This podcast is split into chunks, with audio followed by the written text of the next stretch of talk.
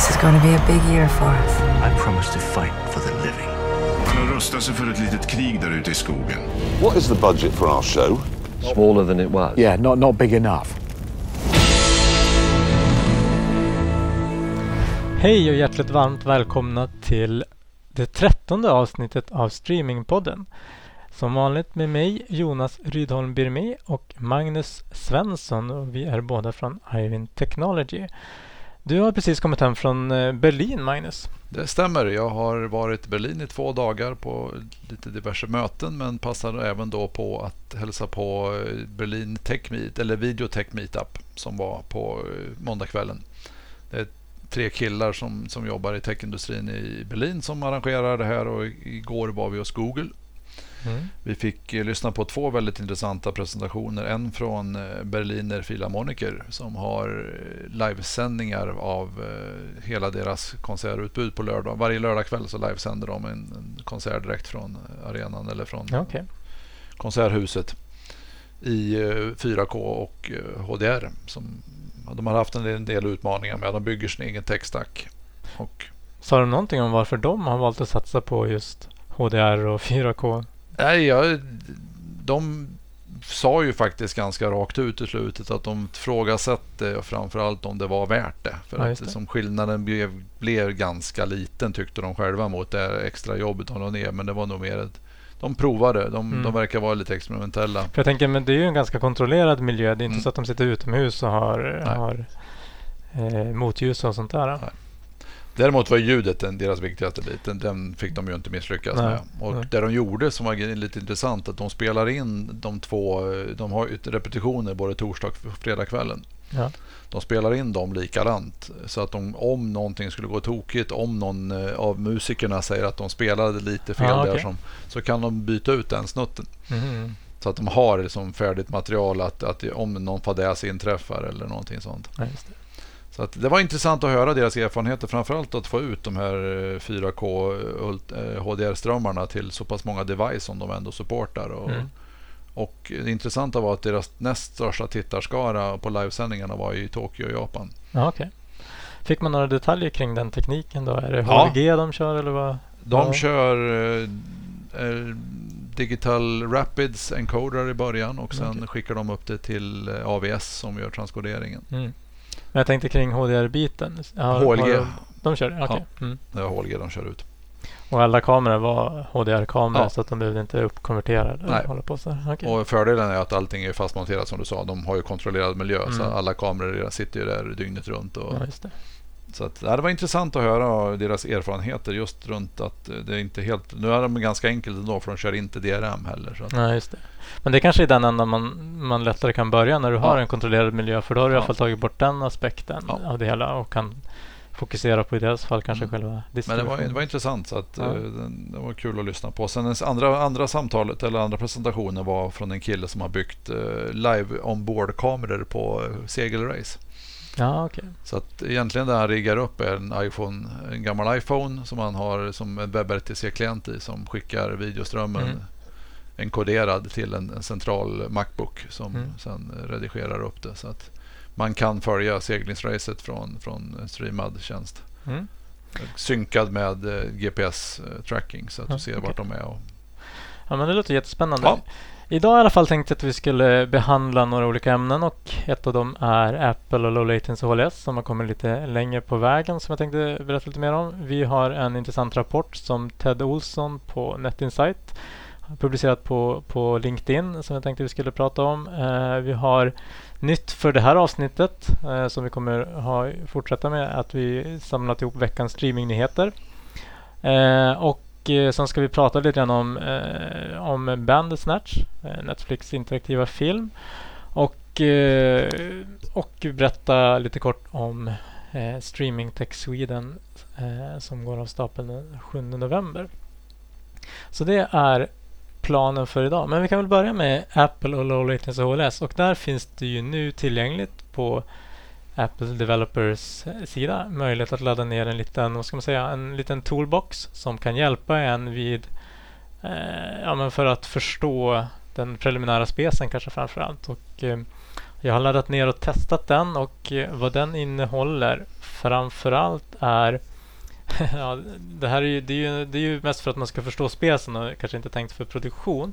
Men det innehåller ett POP-skript eh, som du kan köra med en nyare version av Apache till exempel.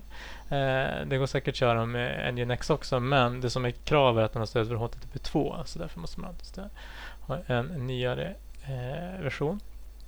Eh, och den hanterar ju alla de här extensions till HLS då som, som är i specen. Allt från partial, partiella spellistor och eh, allt möjligt som var, var med där. Eh, och utöver den så finns det faktiskt, och det är ganska behandliga verktyg som egentligen inte har så mycket med själva eh, low latency HLS utan kan även användas generellt. Det finns ett, ett litet program som eh, genererar en eh, transportström i flera olika kvaliteter som, utifrån, som skapar en testbild med klocka och puls och, och sådana saker. Eh, och den transportströmmen den kan man multicasta lokalt till exempel om man sitter på sin egen dator. Och sen så har de ett annat eh, verktyg som då tar en multicastström och eh, segmenterar och sjunkar upp det till till och nu har de väl support för fragmenterad MP4 här också va? Ja, mm. precis. Det, det är sant. Eh, så det provade jag häromdagen eh, att sätta upp. Eh, du behöver ha senaste, eller du senaste versionen av, av OS X för att kunna köra den. Och eh, sen så behöver man naturligtvis ha en ny version av någon Apple-device för att faktiskt kunna testa det. Men eh, det, var, det var ganska hjälpsamt eh, och just det att de har publicerat den, den kod eller den logik som behöver implementeras på på eh, webbservrarna och eh, CDN-cachar och så vidare. Det gör ju att det, det hjälper ju en att, att kunna ja, etablera den här standarden. Så det är, väldigt, de har ju, det är ett väldigt öppet koncept på det hela. Det tycker jag är ganska intressant. Mm, ja, det är mycket, mycket av det här jag har sett nu sen, sen som vi pratade om för några avsnitt sen. Eh, mötet som hände i Denver och sen kommer uppföljningsmöte nu senare och i oktober här. Och vi ser ju resultat från det mötet så det var ju absolut inte någonting som bara var ett pappersprodukt utan mm. Eh, bland annat så har de ju släppt kravet nu på att man måste skicka en rendition report i sin eh, i URL, som en URL-parameter. Okay.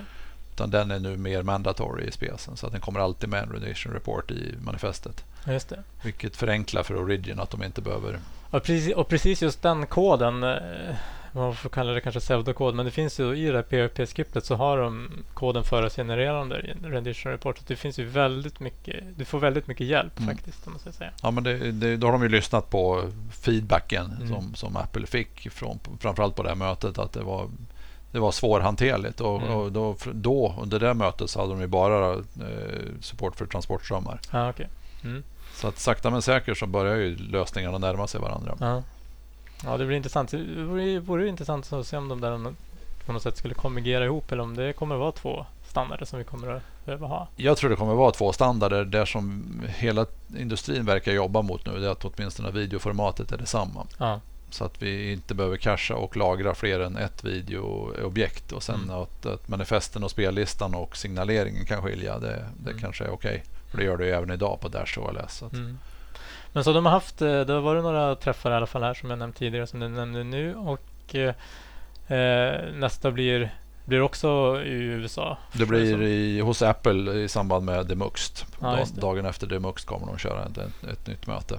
Det som ändå slår mig när man eh, så lite spontant det är ju att eh, det är väldigt eh, USA-centrerat. Eh, nu, nu var du där mm. eh, och kanske någon till från Europa men det var väl de enda som var representerade från, eh, från Europa på, på de mötena. Mm.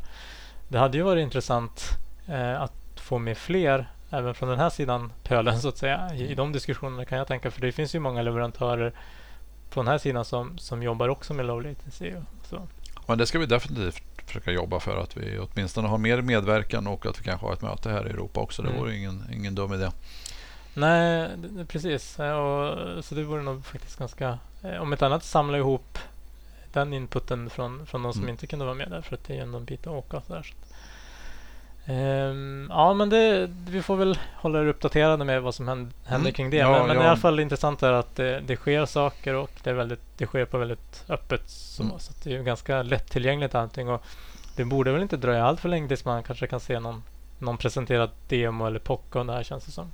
Nej då, det tror jag absolut inte. Jag vet att det var några leverantörer på IBC som visade mm. ett, någon form av demo av Apples version också. Så förhoppningsvis så kan vi inom några månader ha en, en gemensam version där samma mm. videosegment transporteras. Mm. Det vore jätteintressant. Och sen så, ska, så tänkte jag att vi skulle ta upp eh, eh Ted Olsson som jobbar på NetInsight eh, som är CTO för deras OTT-lösning. Eh, han, han publicerade en rapport på LinkedIn som var väldigt väl och genomarbetad och, och eh, jättekul att publicera det så att vi andra kunde ta del av det. Och de hade gjort eh, lite tester kring just eh, HTTP-baserad eller HTTP-TCP-baserad streaming och vad det gäller low latency. Har du möjlighet att sammanfatta lite kort vad, vad deras slutsatser var? Ja, deras slutsatser enligt deras mätningar som eh, i vissa fall väldigt väl beskrivna och i andra fall saknas det lite detaljer men det, mm. det kan säkert Ted dela med sig om mm. man är intresserad. Så kommer de fram till att eh, vid relativt låg paketförlust så, så börjar mm. de ståla klienterna istället. Så okay.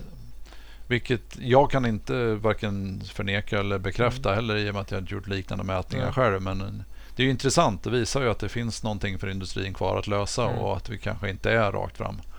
Men kan det också vara, jag menar, om man tittar på, om man då kopplar igen tillbaka till Apples Low Latency HLS Space där, där de då pratar om dels HTTP2 men också nämner mycket kring, kring Quick mm. eller HTTP3 då, som det kanske blir. Så de, och, och då, då, då, då har vi ju lite grann lämnat TCP-världen mm. eh, och går mer mot UDP-liknande protokoll. Mm. Eh, och Det är väl kanske det som är den slutsatsen i, i TEDs rapport där att med just eh, TCP-baserade eh, transportprotokoll ska säga, så är det svårt att, att ha hög kvalitet och låg latency. Mm. Ja, det är ju en utmaning och som, som jag tror vi har sagt i något av de här tidigare avsnitten så är ju inte HTTP och TCP riktigt ämnat för att skicka mm. video, mm. framförallt inte med, med låg latens. Så att, Självklart så pekar ju branschen mot och jag tror att det kommer nästan bli... Jag har svårt att se att Apple kommer få igenom mandatory HTTP2 mm. när, när jag vet hur pass få CDN som verkligen har utvecklat och mm. byggt HTTP2. Men däremot så verkar det som industrin kommer mer eller mindre hoppa över HTTP2 och gå direkt mot HTTP3 eller Quick. Mm. Som egentligen är samma sak. Och då slipper vi, då slipper vi TCP-problemet och mm. Kan då kanske underkomma det som, nu vet inte jag om det skulle lösa det som, som Ted har hittat men mm. troligen så är det, är det relaterat till TCP och, och paketförluster mm. med omsändningar och dess problem. Mm, ja, men jättekul att de delade med sig av mm. sina resultat. Och det, det är ju som sagt var, det får vi, får vi eh, kolla, kolla in lite mer på. Vi kan rekommendera att, att kolla in på den, eh, ni som inte har gjort det redan, och läsa, läsa den. Eh, med det sagt så tänkte jag att vi skulle då köra nytt för den här avsnittet. Eh, ett litet inslag om veckans streaming, streamingnyheter som kommer här. Natten till måndag, svensk tid, var det dags för årets Emmy-gala. TV-världens motsvarighet till Oscarsgalan. HBO stora vinnaren med 32 nomineringar och kammade hem fem vinster, där tre av dessa gick till miniserien Chernobyl och två till Game of Thrones. Men utmanarna Netflix och Amazon gick inte lottlösa och Amazon kammade hem fem vinster och Netflix två. Netflix interaktiva film Bandersnatch tog hem priset som bästa tv-film.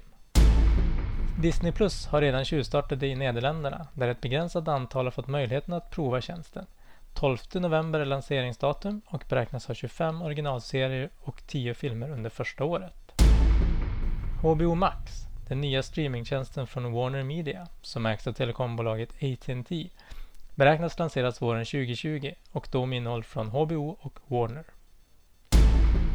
Nu finns möjligheten att skapa användarprofiler i de svenska streamingtjänsterna Simor och Viaplay. Det betyder att rekommendationer och historik inte behöver blandas ihop med andra i hushållet.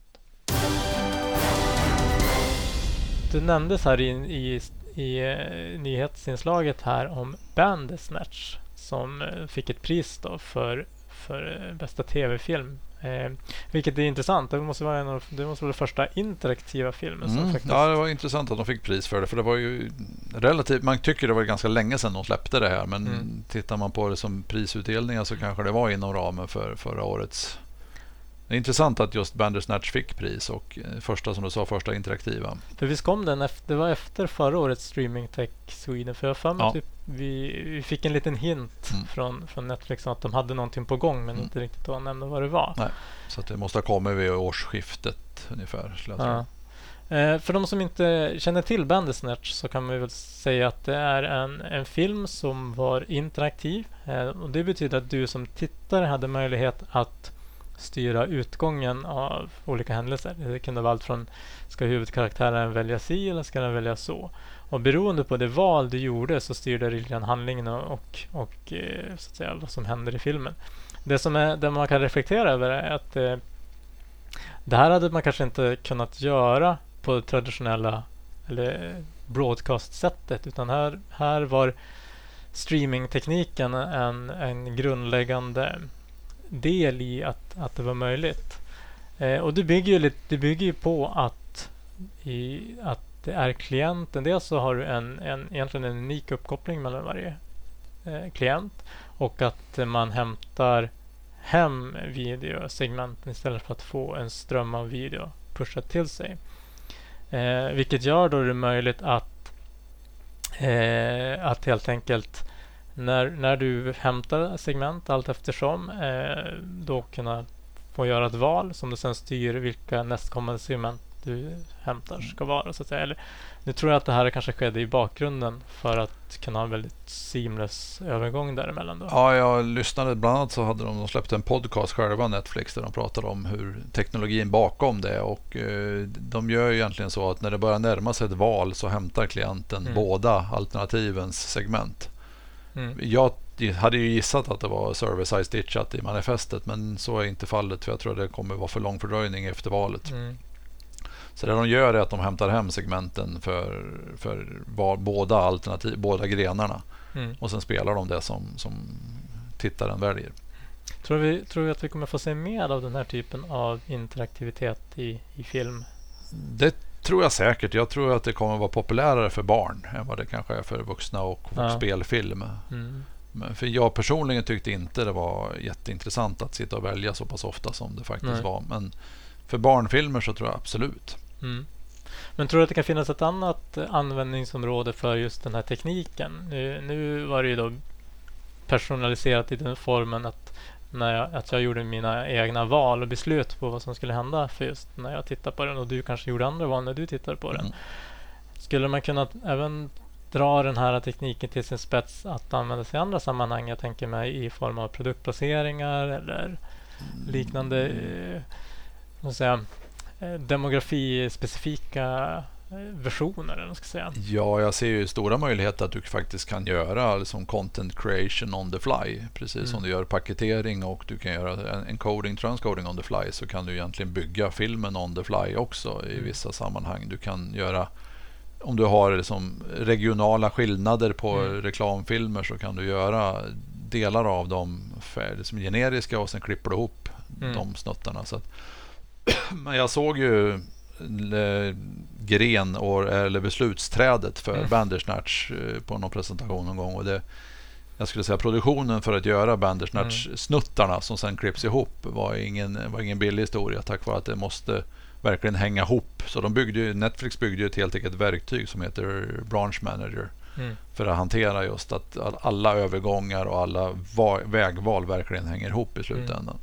Jag tänker mig någon, form av sån här ja, eh, att, att eh, om man tar om du har alltså i nyhetssammanhang, alltså nyhetsprogram egentligen. Där borde det ju, borde det ju vara om, om, precis som du var inne på, om man ska köra regionala nyhetsinslag och, och den biten. Det borde ju vara ett väldigt naturligt sätt att, att eh, ja, någon form personalisera Mm. en sändning eller så. Eh, och det, det kan jag väl tycka är lite förvånande, förvånande att vi inte kanske har sett, sett tidigare. Jag vet att Reuters har en app där de, där de kunde ställa in. De producerade ett antal olika längder på varje reportage och eh, du kunde säga att nu har jag fem minuter, nu har jag tio minuter, nu har jag 15 minuter och sen så fick du ett nyhetsprogram satt ihop på det sättet. Mm. Så det är väl lite grann åt, åt, åt det hållet men eh, jag har inte sett så mycket mer av den, av den typen faktiskt. Vilket är Nej, vi, vi såg ju lite på IBC vad det gällde hopklippta eh, streamade filer. Bland annat så hade Edgeware en produkt som de Virtual Channel Creator som de då klippte in regionala nyheter i en, en ordinarie sändning och sådana mm. saker. Så att vi börjar ju se mer och mer produkter på marknaden som, som bygger virtuella spellistor eller hopklipp av voddar och sådana saker som mm. Är lite åt det här hållet. Jag, jag, tror vi kommer se mer och mer för det är det här som den nya teknologin kan möjliggöra. Ja men precis, för just där när det kommer till regionala utsändningar då är det ofta så här nästan så att du har ja, eh, du har duplicerat väldigt mycket innehåll som det, det står och kodas i onödan så att säga. Det står och kodas mycket för eldat för kråkorna. Ja, precis. Så det borde finnas, finnas mycket mer att göra där. Ja.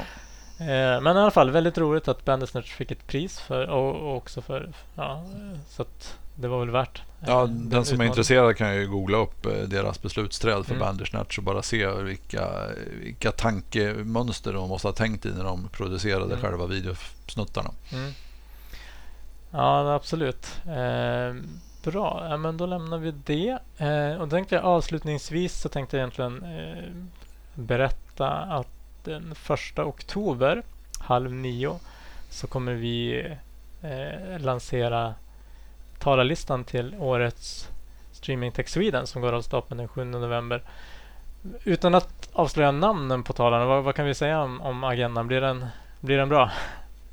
Ja, den blir väldigt bra. Jag brukar alltid säga efter varje år att svår, nästa år blir svårt att slå det här. Men mm. Jag vet inte om vi har slagit de tidigare åren. Det är svårt att säga för det vill inte jämföra. Men att väldigt bra agenda. Mm. Så att jag tror att eh, tune in första oktober mm. och, och, och, lyssna in vad vi har för agenda och vilka talare vi har.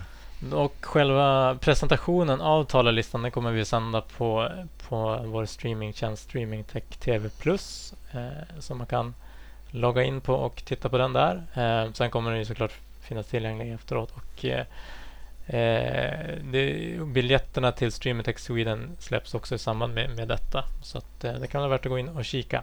Kika och boka upp 7 november för det är en dag som ni inte vill missa. Nej. Har vi något mer vi ska ta upp eh, som vi har glömt eller som kan vara värt att nämna i det här avsnittet? Kommer du på? Nej, inte vad jag kommer på. Jag tycker vi har täckt mycket idag. Ja, men då får vi tacka för oss för den här gången och eh, på återhörande. Tack ska ni ha. Tackar. Ni har lyssnat på Streamingpodden. En podcast för dig som är intresserad av streamingteknik och nyheter i området. Programmet produceras av Ivin Technology, leverantörsoberoende specialister inom videoteknik och mediedistribution.